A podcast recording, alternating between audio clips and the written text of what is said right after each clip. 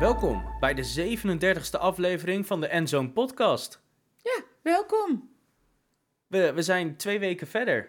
Ja, we zijn twee weken. ver- Het is allemaal een beetje anders gegaan dan we hadden gehoopt. Ja, we hadden een opname die eh, anders liep, maar dat maakt niet uit. Ja, anders was dus echt niet goed genoeg bevonden. Ja, nou, maar nu is de, de kwaliteit gewoon weer op orde. Dit, is, dit is de confrontatie met wat de jeugd. Nou, nou misschien ben ik ook wel zelf weet niet. Maar ja, Son, ik denk dat het zo is dat jij in jouw generatie meer volmaaktheid wil in je leven en maken. En dat, dat, ik wil het niet perfectionisme noemen, maar dat streven naar het allerbeste. Nou, ik denk dat het echt wel meevalt hoor, Freya. Oh, Ja, oh. het, het, het is meer dat ik wel een minimaal kwaliteitsniveau wil behalen. Maar als ik echt denk aan wat nog zoveel meer zou kunnen in zo'n podcast en hoe je dat nog gelikter zou kunnen maken, dan heb ik echt zoveel ideeën die ik best wel zou willen uitproberen als ik daar meer tijd voor had. oh, oh. Ja, en, en dus het, de kwaliteit nog veel hoger zou kunnen brengen eh, dan dat ik dat nu doe. Oké. Dus nee, ik, ik, ik zie het zelf niet als perfectionisme, want dan is er echt nog heel veel werk aan de winkel. Ik zie het veel meer als eh, een minimaal kwaliteitseis. Oh joh. Ja, ik zit meer van eh, de. Ach, als het eenvoudig goed klinkt, is het voor mij al goed. Ik vond het trouwens een hele leuke podcast, moet ik zeggen. En die moeten we dus echt weggooien, je eh luisteraar. Ik hoop dat, dat, ja, ik hoop dat, dat je nieuwsgierig wordt naar eh, wat we toen besproken hebben. Maar weet je wat mij intrigeerde in die afgelopen podcast die we dus weggegooid hebben, ehm, was dat je zo open was. Oh joh. Je bent altijd open en heel relaxed, maar ik dacht, wow, zou ik dat durven zeggen? Hmm. Eh, ik, ik, ik wil er wel even op reageren. Want ik was open over geldzaken. En ik merk dat eh, geld of eh, financiële zaken, dat, dat daar toch nog een taboe op ligt. Heel erg. In, Ja. in Nederland, in onze cultuur. Ik denk steeds sterker. Vanwege dat ik in de krant lees, jij moet toch nagaan, zo ver is het van me weg, dat ik in de krant lees dat die armoede eh, groter wordt. Dat steeds meer mensen het gevoel hebben dat ze het net niet kunnen bolwerken. Of dat bijvoorbeeld de kinderen daar echt onder lijden dat ze bepaalde dingen niet kunnen doen. Ehm, dus ik denk dat dat taboe alleen maar groter wordt. Want ik kan me het schuldgevoel, of het, het schaamtegevoel, laat, laat ik het zo zeggen, het schaamtegevoel voorstellen dat als je moeder zegt van, nou nee, dat gaan we niet doen. En dat is omdat we het gewoon, omdat ik het niet kan betalen. Ja, ik denk ook, ik zat er laatst over na te denken, dat er steeds meer, ehm, dat mensen die vanuit middenstand wegzakken onder de armoedegrens, Ja, dat ook daar best wel een, ehm, misschien inderdaad dat taboe op ligt, maar ook onbewust niet doorhebben dat dat wat, waar ze nu in zitten eigenlijk armoede is. Hè, dus je hebt gewoon een huis kunnen kopen en je hebt gewoon je zaken eigenlijk op orde. En je komt erachter, ik red het gewoon niet meer precies. maandelijks. Precies. En ik, ik moet wel naar de voedselbank. En dan, maar dan nog niet helemaal doordrongen zijn van het feit dat je dus eigenlijk in armoede aan het leven bent. Ja, precies. Dat, dat vind ik schrijnend. Ja, Ja. En eh, ik lees heel graag de, eh, van eh, artikelen van mensen die er, of zelfs boeken van mensen die er bovenuit gekomen zijn, doordat ze schuldhulpverlening hebben aangevraagd. En eh, dat wil dan zeggen, want je bouwt een bepaalde schuld op als je het echt elke maand net niet redt. Dan, Ja. in het begin lijkt het gewoon allemaal nog niet zo erg. Of denk je, nou, ik ga het zus of zo oplossen. Maar dat lukt dan niet. En dan wordt dat, dat gat wordt steeds groter. En dan denk je, ja, hoe ga ik dit oplossen? Niet. Dan, als je, hoe eerder je hulp vraagt, eh, hoe, hoe beter je eh, er het gevoel hebt dat je er weer grip op hebt. En dat je ermee kan ja, dealen. Dat je dat, oké, een, een tijd lang wel, maar dat je dat gat weer kunt dichten en uiteindelijk het gevoel weer krijgt ruimte te hebben om je eten te kopen. Of en hulp vragen is ook zo lastig. Is zo omdat, lastig. Omdat je eerst je eer aan de kant moet zetten en moet accepteren dat je dus inderdaad uh, in die armoede zit eigenlijk. En dat je die, dus die hulp nodig uh, hebt en in ieder geval kan gebruiken. En dat betekent dus eerst accepteren dat je dus misschien wel bij een, uh, een voedselbank inderdaad moet gaan aankloppen, maar ook uh, accepteren en weten van hé, hey, ik zit in een, een, een, nou ja, in zwaar weer financieel gezien. Precies, precies. En, en ik heb hierbij hulp nodig, want alleen of als gezin redden we het gewoon niet. Ja. En, en hoe eerder je dat doet, hoe beter. En ik vind het heel mooi bij ons uh, op het werk is een hele stichting ook aan verbonden. Uh, waarbij je je kan aanmelden als je in no zwaar weer komt. Okay. En um, okay. dat is volgens mij ver vernoemd ook naar een, een, een man of uh, iemand die daar heel veel inzet in heeft gehad. Ja, en dat is gewoon heel bijzonder. Maar ik vind het ook soms heel lastig als ik inderdaad uh, weet van een collega dat hij, dat hij het gewoon niet breed heeft. Nee, vreselijk. Je, ja. je, je, zou maar in een situatie zitten dat je uh, uit een, de, een scheiding hebt gehad, je huis uit moest, een nieuwe plek moest zoeken. En allemaal opstapelingen van financiële zorgen die daarbij komen. En misschien was dat ja, misschien wel net in de verkeerde periode. En dat, dat het huis ook nog eens een schuld mm -hmm. had in plaats van overwaarde. Weet je, het kan maar gewoon net allemaal verkeerd uitpakken. Precies. Uh, en alimentatie die je maandelijks moet betalen of wat dan ook. En, en dan vervolgens zie je gewoon dat iemand het gewoon zo moeilijk heeft. En dan denk je echt, ja, wat, wat kan ik eigenlijk voor diegene doen, weet je wel? Ja, ja. nou ik ga dat meer en meer zien. Echt hoor, ik zat helemaal aan de. Uh, ik heb een bepaalde uh, voordelen in mijn leven gehad. Het was niet te geloven. Ik ben echt niet in een gezin grootgebracht waar het op, op tafel uh, voor het opscheppen was of zo. Weet je, het was gewoon oké, okay, zoals eten, het ging. Het eten ging op. Ja, nee, niet eens. Mijn moeder, dat is ook nog weer van na de oorlog. Je ging altijd te veel koken, want in de oorlog had je tekort. Oh ja. Weet je wel. Dus, en dat is ook weer terug, uh, de golfbeweging. Dat, nee, waarom moet je te veel koken? Ik maar bedoel, het was geen groot huis en jullie Het was lagen... geen groot huis en we lagen met een paar mensen in, op één slaapkamer en zo. Oké, okay. maar ik heb nooit, echt nooit het gevoel gehad dat er iets niet gekocht kon worden. Ik heb dat gevoel nooit gehad als kind en als tiener niet en als jonge vrouw niet. En dus ik weet echt niet wat het is om dat gevoel te hebben. Ja. Dus ik kan me die schaamte erbij wel voorstellen. Snap je waarom? Omdat het gewoon, het lijkt me heel erg. Ja. ja. ja. Maar goed, ik heb leren sparen. Mijn moeder heeft gezegd op een gegeven moment: uh, ja, Neem een spaarrekening, dan heb je over een aantal jaar, uh, als je volwassen bent, een hele leuk, een leuk, een leuk bedrag om iets leuks mee te doen. Heb ik gedaan. En uh, dat, was, dat was wel uh, bij ons thuis een beetje een, een idee. Je ging eerst sparen voor iets, dan ging je het kopen. Ja, want wat is het principe wat daarachter zit? Dat je uh, dat weet ik eigenlijk niet zo goed. Want mijn vader en moeder huurden een huis. Het kwam helemaal niet naar hun toe of zo. Ze kochten geen huis. Nee, maar een dus koop ik... is ook een lening, hè? Want je, ja. je kan niet in één keer dat huis kopen. Nee, maar ik weet niet waarom. Dat was ook een soort principe uh, gebeuren. Dat weet ik niet precies, de breedte daarvan. Maar wel van, we willen niet afhankelijk zijn en zo weg kunnen of zo. Heel gek. Terwijl ze al die jaren in hetzelfde huisje woonden. Dus uh, heel vreemd uh, vond ik dat. Later. Maar goed, ik heb nooit goed gevraagd van, joh, waarom hebben jullie nooit huis gekocht of zo. Maar mijn moeder heeft wel huizen gekocht. Huis, zij woonde in een huurhuis, maar zij heeft van het geld van mijn oudste broer huizen gekocht voor hem om zijn geld te beleggen. Dus zij was wel met geld bezig. Dat is toch wel echt een bijzondere Heel situatie. bijzonder. Ja. ja, ja, dus ze had zelf geen behoefte aan een gekocht huis. Maar zij, zij, zij was wel met geld op een slimme manier bezig. Dat is oh ja. apart. Daar wil ik dan wel even op inhaken. Want dus ik denk dat het principe achter sparen zit... Uh, uw moeder, mijn oma, was, was een slimme vrouw, kon goed omgaan met uh, geld. Ja.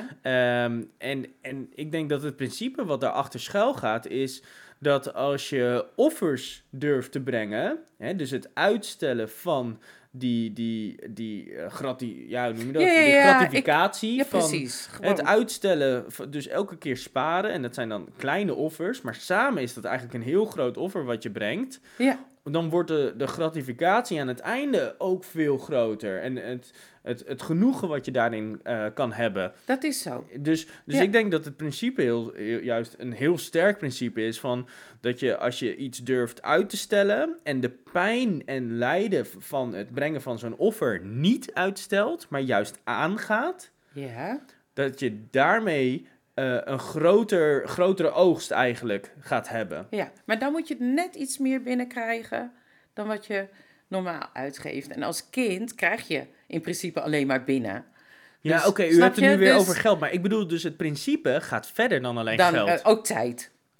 het gaat over tijd, het gaat over energie die je stopt in relaties. Oké, oh, dat bedoel ja, je het ook. gaat, ik denk dat dit principe doordenkt. Ik denk dat het een principieel In het hele is. leven. Ja, Ja. ja, Dat ben ik met je eens. Dat is ook zo. ja. En dat begin ik nu pas een beetje goed eh, te beseffen. Gisteren Oh liep ik met jouw zoon in het bos en ik had. Dan wordt het tijdloos. Begrijp je? Ik heb niets meer wat daarna komt. Want hij is daar. En samen met een bal verzinnen we iets. En eh, we kijken of er, ja, wat de winter doet met het bos. En we praten met elkaar, ieder op zijn eigen niveau.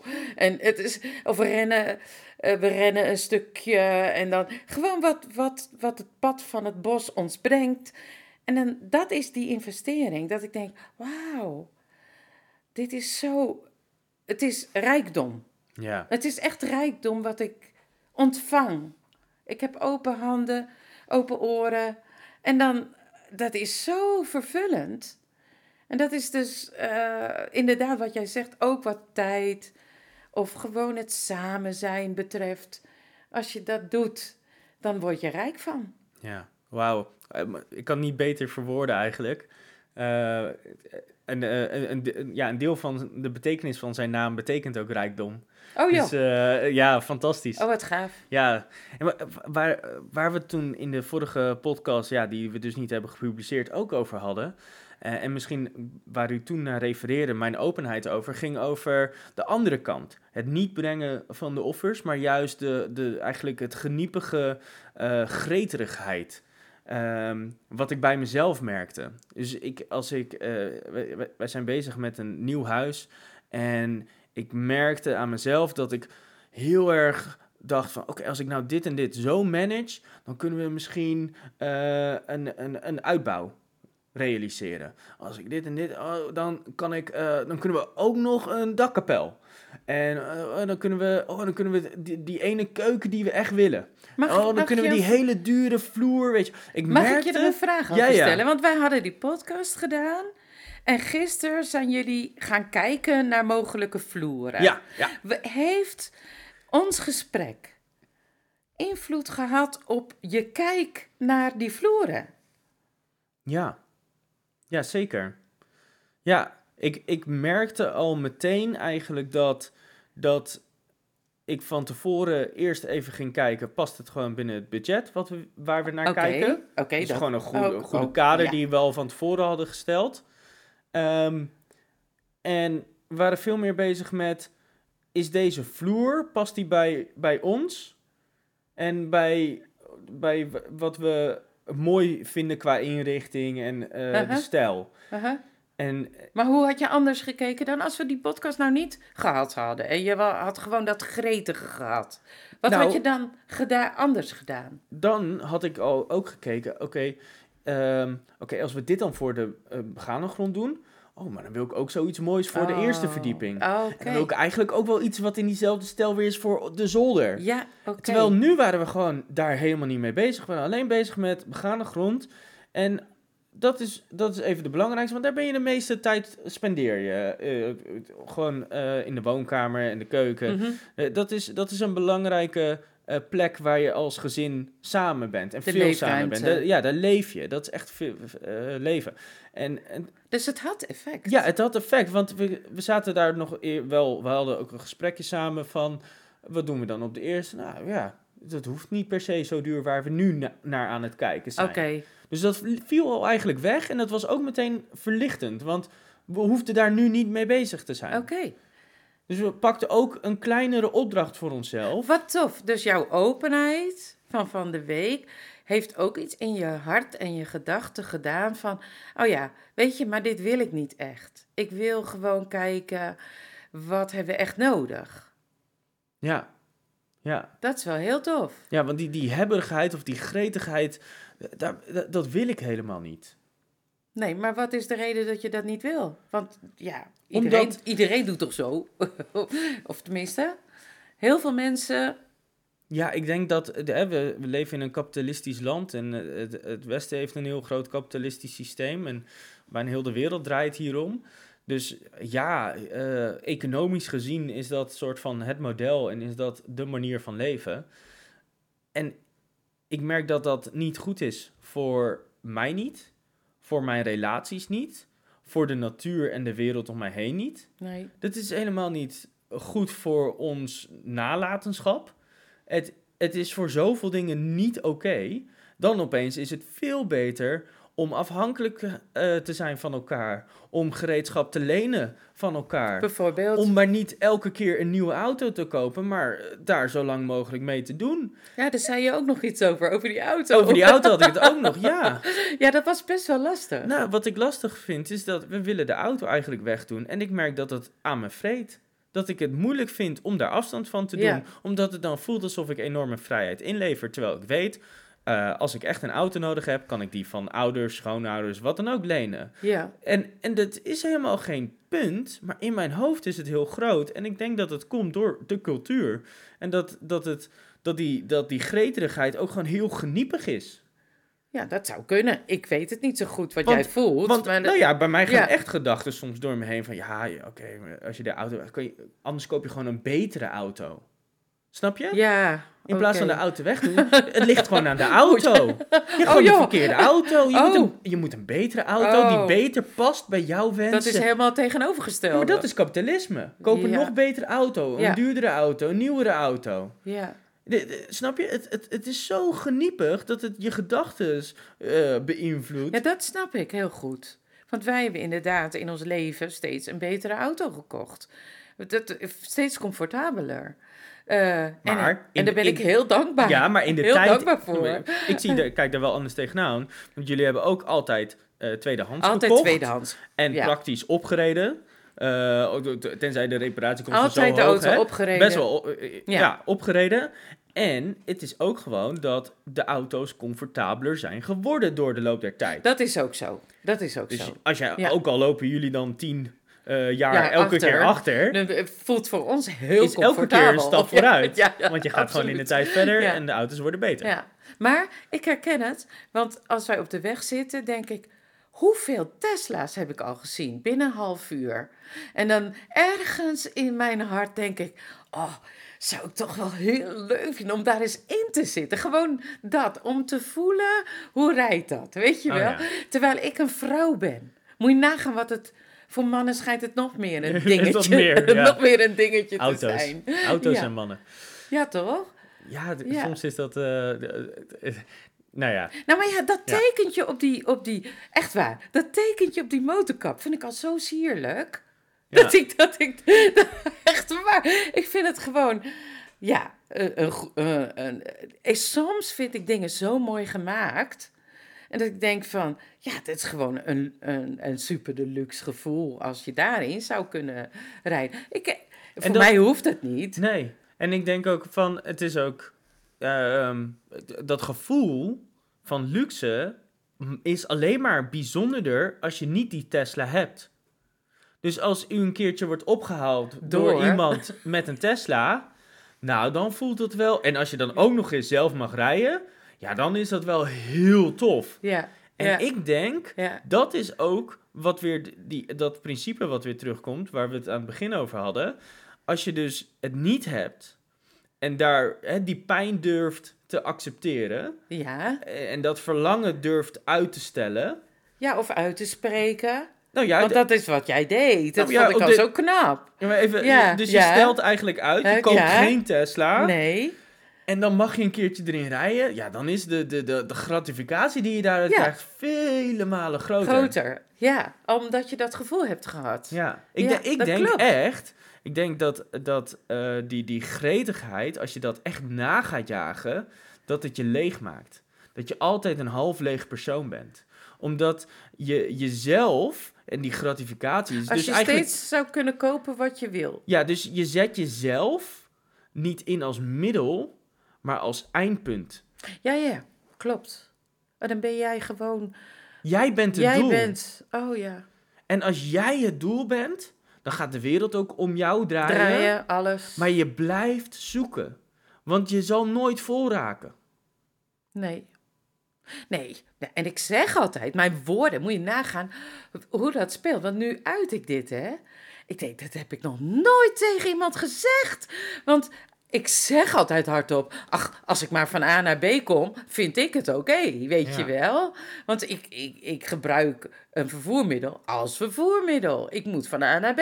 Ja, dat En, is het middel. Dat is het. is en het verder is het echt niet. Ja, nee, absoluut niet. Maar ergens speelt dat toch ook wel. Dat speelt toch ook wel. Het is heel geniepig. Ja. Ik denk dat die gretigheid, eh, dat is zo'n geniepig iets. En ik denk, zolang we er onszelf van bewust van worden... en inderdaad durven uit te spreken over dat je dat voelt... en dat je eigenlijk niet zo wilt leven... dan pas kan verandering ook echt plaatsvinden. Ik heb het ook met pijnboompitten. Pijnboompitten. Ja, echt Dat waar. zijn hele dure pitten. Ja, als je die even roostert en dan op iets heerlijk. Iedere keer ben ik in de winkel en dan kijk ik of ze er zijn. Ik pak het zakje en ik leg hem weer terug. Want ik denk, nee, ik ga het toch niet doen. Ik vind het gewoon te duur. Oh ja. Echt waar. Ik Ja. vind het echt te duur. Als je kijkt hoe duur het is in verhouding tot Iets anders. ja, Ja, andere een zaden, ander pitten, nootje wat of, Ja. of wat dan Ja. ook. Een zonnebloempit, als je die roostert, ja, het is een wat ander effect, maar het kan ook. Dus dan doe ik dat. Maar echt, ja, stom hè? Nou ja, het is niet stom. Het, Nee. dit, het, het is gewoon, het is zo fundamenteel. Die, die twee principes en of de geniepigheid van, van de gretigheid en het principe van eh, het lijden accepteren en dus die gratificatie vergroten. Ik denk dat, dat, dat, dat, dat zijn principes de, dat de, door ons hele, hele leven heen eh, van essentieel belang is. Ehm, dus ik hoop ook dat alle luisteraars er wat aan hebben als ze dit luisteren. Ik denk dat, dat we hier nog wel vaker over gaan hebben. Misschien wel, ja. Ja, Weet je, ik vind het wel eng hoor, om over geld te praten. Echt ja. waar. Ja, maar ik denk dat we Ja. er open in mogen zijn. ja. Ja, waarom Ja. niet? Nou ja, waar het om gaat, denk ik, wat uit ons gesprek nu dan blijkt, hoe, hoe is ons hart erin? Hmm. Wat, wat, hoe zien wij geld? Hoe zien wij eh, wat we willen bereiken? Hoe zien, want dit- dat is eigenlijk, het geld is niet het onderwerp dan. Nee. Het gaat om wat speelt er in je hart met betrekking tot de wereld om je heen. Ja. Nou ja, het is wat Jezus zegt, hè. Verzamel geen eh, schatten op aarde. ja. En, en eh, dat, hij, heeft ook, hij heeft het ook over hart en schatten, volgens mij, ja, toch? zeker. Ja, wij- dan waar je, waar je schatten zijn, daar zit je daar, hart. zit, daar zit je hart, ja. En je moet dus je schat in de hemel verzamelen. Wat ook veel logischer is, want waarom zou je niet investeren in dingen die eeuwige waarde hebben? Ja, die, dan in dingen die vergaan. duren. Ja, inderdaad. Want diegene die zichzelf als eindpunt neerzet. Maar zo zijn we En niet als die mensen. greet. Nou ja, dus, er zijn echt wel mensen die maar meer en meer en meer willen verzamelen. En elke keer van het nieuwste naar het nieuwste springen. En, en uiteindelijk, aan het einde op hun sterfbed, denken ze: ja, had ik toch maar meer tijd met mijn zoon gespendeerd. Bijvoorbeeld. Of had, ja. ik, had ik toch maar wat beter mijn best gedaan om mijn huwelijk, eerst huwelijk te redden of zo. Mhm, We- Weet je, mhm. het, en het blijkt ook uit onderzoek. De, Nou de, ja. nee, maar mag ik even. De, de gretigheid die op Wall Street heeft plaatsgevonden. Daar is onderzoek naar gedaan. En het blijkt dat mensen die dus, dus echt te veel risico's nemen. niet meer bij hun eerste vrouw waren.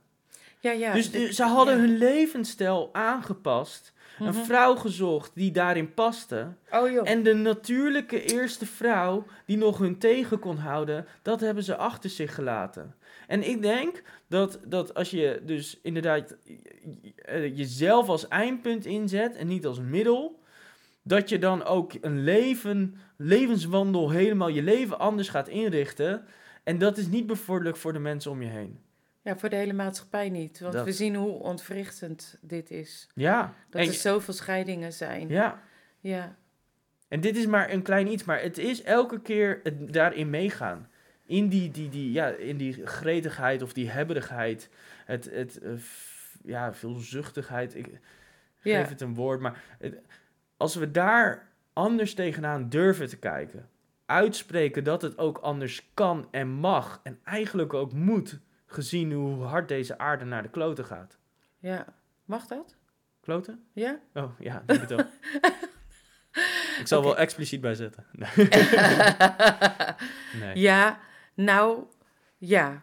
Maar ik ben dan geneigd, als ik dan in die stel, hè, dan heb ik het toch wel aardig goed gedaan. Zo, dat idee. Het is En, eh, nooit genoeg, Dan hè? krijg je een soort oordeel naar andere mensen toe van... eh, eh, je krijgt een soort oordeel. Ik heb het aardig goed gedaan. Nou, de- maar ik denk het niet. Dat, Dat, dat is... Dat, aardig goed gedaan dat moet is het niet. Dat is, nee, is want ik zit in het systeem waarmee ik de aarde verknal. daarom. daarom. Ja, Nee, dus eh, precies dat. Ik denk dat het nooit genoeg is, maar dat het ook niet om te erg is. investeren. Het is Ja. nooit genoeg om te investeren en te leiden. Sterker zelfs, investeer en, en zaai wat je misschien zelf niet zal oogsten. Oh joh, Het gaat misschien over generaties heen. Mijn Ja. kleinkinderen misschien pas ja, zullen het oogsten. Maar Ja. laten we daarop inzetten. ja precies. Want dat is veel meer waard dan dat ik in een nieuwe auto rondrij. Of überhaupt een auto heb. Natuurlijk. Ja, Dus ik pleit voor investeren voor de toekomst. Investeren voor dingen die wij zelf niet zullen oogsten. ja en intussen is de, die strijd daar. Omdat er zo geproduceerd wordt en zo... Oh, dat is ook wel mooi zeg, denk ik dan. Oh, dat is ook wel mooi. Zo begint het bij mij. Oh, dat is ook wel mooi. Maar waarom zou je iets inruilen als het wat je hebt nog goed doet? Dat, dat is het. Dat, dat we... Ik heel erg ben in een maatschappij opgegroeid waar weggooispullen werden gemaakt. En nu gelukkig gaan ze weer dingen die eh, demontabel zijn maken, waardoor je onderdelen En kunt vervangen modulair. of eh, iets kunt repareren, zodat je er langer mee kunt doen. Maar eh, in mijn tijd heel erg. Dat het op een gegeven moment alle plastic naden waren dichtgelast. Je kon geen schroefje meer vinden. En als het het stopte, nou dan kon je het bij de chemisch afval of wat dan ook gooien. Want je kon er niks mee. En dat, En dat vind, heeft, heeft dat alles te maken. Het heeft alles te maken met het maximaliseren van winst. Je minimaliseert Exact. je grondstoffengebruik Ja. en je minimaliseert je halffabrikaatgebruik om maar je winst te kunnen maximaliseren. Dus waarvoor ben je be- bezig? Maatschappelijk verantwoord ondernemen zegt heel duidelijk: je profit komt als derde. Het is people, planet, profit. Het gaat om ons mensen, Maar in de de praktijk... wereld waar we Ja. in leven, goed daarvoor zorgen en Ja. je winst daarna. Ja, En dat is wat essentieel belangrijk zou moeten zijn. Ja. En People hebben we alweer losgelaten, want we hebben die hele ZZP-fiasco gehad. Eh, eh, Planet, eh, nou kijk maar naar hoeveel PFAS overal eh, in de natuur zit, et cetera. En de enorme hoeveelheden stikstoffen. En dat het in Nederland echt bizar is ten opzichte van heel de rest van de wereld. En profit i- eh, wordt overal gemaximaliseerd. We, we doen niet aan maatschappelijk verantwoord ondernemen. En dat zouden we wel moeten doen. maar we beginnen bij onszelf. Ja, en, en dat betekent praten Ja. erover. Ja, heel goed. Wat je We, voelt, we gaan het doen. wat er in je hart zit. ja, ja, ja, Praat ja. erover. Ja, ja, ja, we gaan het doen. Want waar Maar- je hart vol van zit, stroomt je mond van over. Dat is zo. Maar En waar je schatten hebt verzameld, Nog steeds- daar is je hart. nog steeds eng. Het is nog steeds eng. Omdat ik ook de gebrokenheid zie. En dat je in systemen zit. En dat je. Dus ik wil het heel erg bij mezelf houden dan. Heel erg dichtbij. Maar Van- ik denk, draai hem om. Draai hem om. Het is net als dat u en ik in zonde leven. Of zondig zijn. We kunnen niks perfect doen. Maar Jezus heeft alles gegeven. Dus mogen we in vrijheid leven. Jezus heeft eigenlijk de, de, boel op zijn kop gezet. Waardoor, waardoor wij uit, uit vrijheid mogen leven. Wetend dat we inderdaad zondig zijn, maar dat Hij zijn leven heeft gegeven, zodat het van ons af mag glijden. Dat we gewassen zijn en schoon zijn. Zo kunnen we ook kijken naar de. We kunnen niet het perfecte doen hier en, en het, perfecte wereld nalaten aan de mensen na ons. Maar we kunnen in, in vrijheid andere keuzes maken. Ja, Net als de. Was het niet de vorige aflevering? Je hebt een keuze. Je hebt een keuze. je hebt een keus. Je hebt een keuze. Ja. ja, dat is heel bevrijdend dat je dat zegt. Ja, En dat is het Ja. krachtige. We hoeven niet vanuit de druk te leven. Nee. De overweldigende druk waarin Nou ja. soms die demonstraties plaatsvinden van nu moet het allemaal stoppen. Dus Stop met al ja, ja, het. dat nu, hoeft nu niet. meteen. Dat hoeft niet. Nee, we mogen in vrijheid andere keuzes gaan maken. Ja. Al die urgentie in hebberigheid bijvoorbeeld. En die urgentie in eh, het moet nu gebeuren. Want dat, dat is een dreiging die je verzint. Uit urgentie, dat is, dat is een crisis creëren. Ja, En vanuit Ja. een crisis kan je dan over, overhaaste stappen, eigenlijk hè, te grote stappen maken. ja. En dan krijg je het Cobra-effect. Cobra. Het Cobra, kent u van Cobra? Dus eh, de Britten zaten in India, er waren te veel cobra's, ze wilden daar vanaf. Wat deden ze? Iedereen die een dode cobra bracht bij de autoriteiten, kreeg daar geld voor. Wat gingen dus Indiërs doen? Cobra's fokken. Oh joh. Dus in plaats van dat je het probleem Ja, oplost, krijg je een groter probleem. kreeg je uiteindelijk een veel groter probleem. Oh, dit- Zeker toen ze dat. stopten. Ik ken het hele Nou, Cobra-effect niet, maar dat is Toen, echt... toen ze dus stopten oh. met geld te geven voor dode cobra's. Toen gingen al die fokkers hun cobra's loslaten. Oh, het heeft geen nut meer. Dus er waren veel meer cobra's in het wild. Dus het hele punt is, je moet nooit de ondoordachte keuzes maken. Nee, Je moet er goed over nadenken. Ja. De tijd ervoor nemen. Niet vanuit een crisis denken. eh, maar vanuit die vrijheid. Ze noemen ze Nee, dat. paniekvoetbal. Geen paniekvoetbal Nee, goede keuzes maken, wel overwogen, Ja. nadenkend over eerste, eh, hoe noem je dat, eerste lijnsgevolgen, eh, of eh, tweede eh, Ja. gevolgen, derde. eh, het- je moet gevolgen daarna ook in kaart brengen en daarover nadenken en dan pas het juiste besluit nemen en gaan handelen. ik wil dat terugbrengen tot mijn hart. Dat is die vrede, die rust, die rijkdom die ik ervaar. Nou, echt, wat een gesprek was dit weer. Nou, eh, het is klaar hè? Ja. Ja, Hey, tot de volgende keer. Tot de volgende keer. Bedankt voor het luisteren allemaal.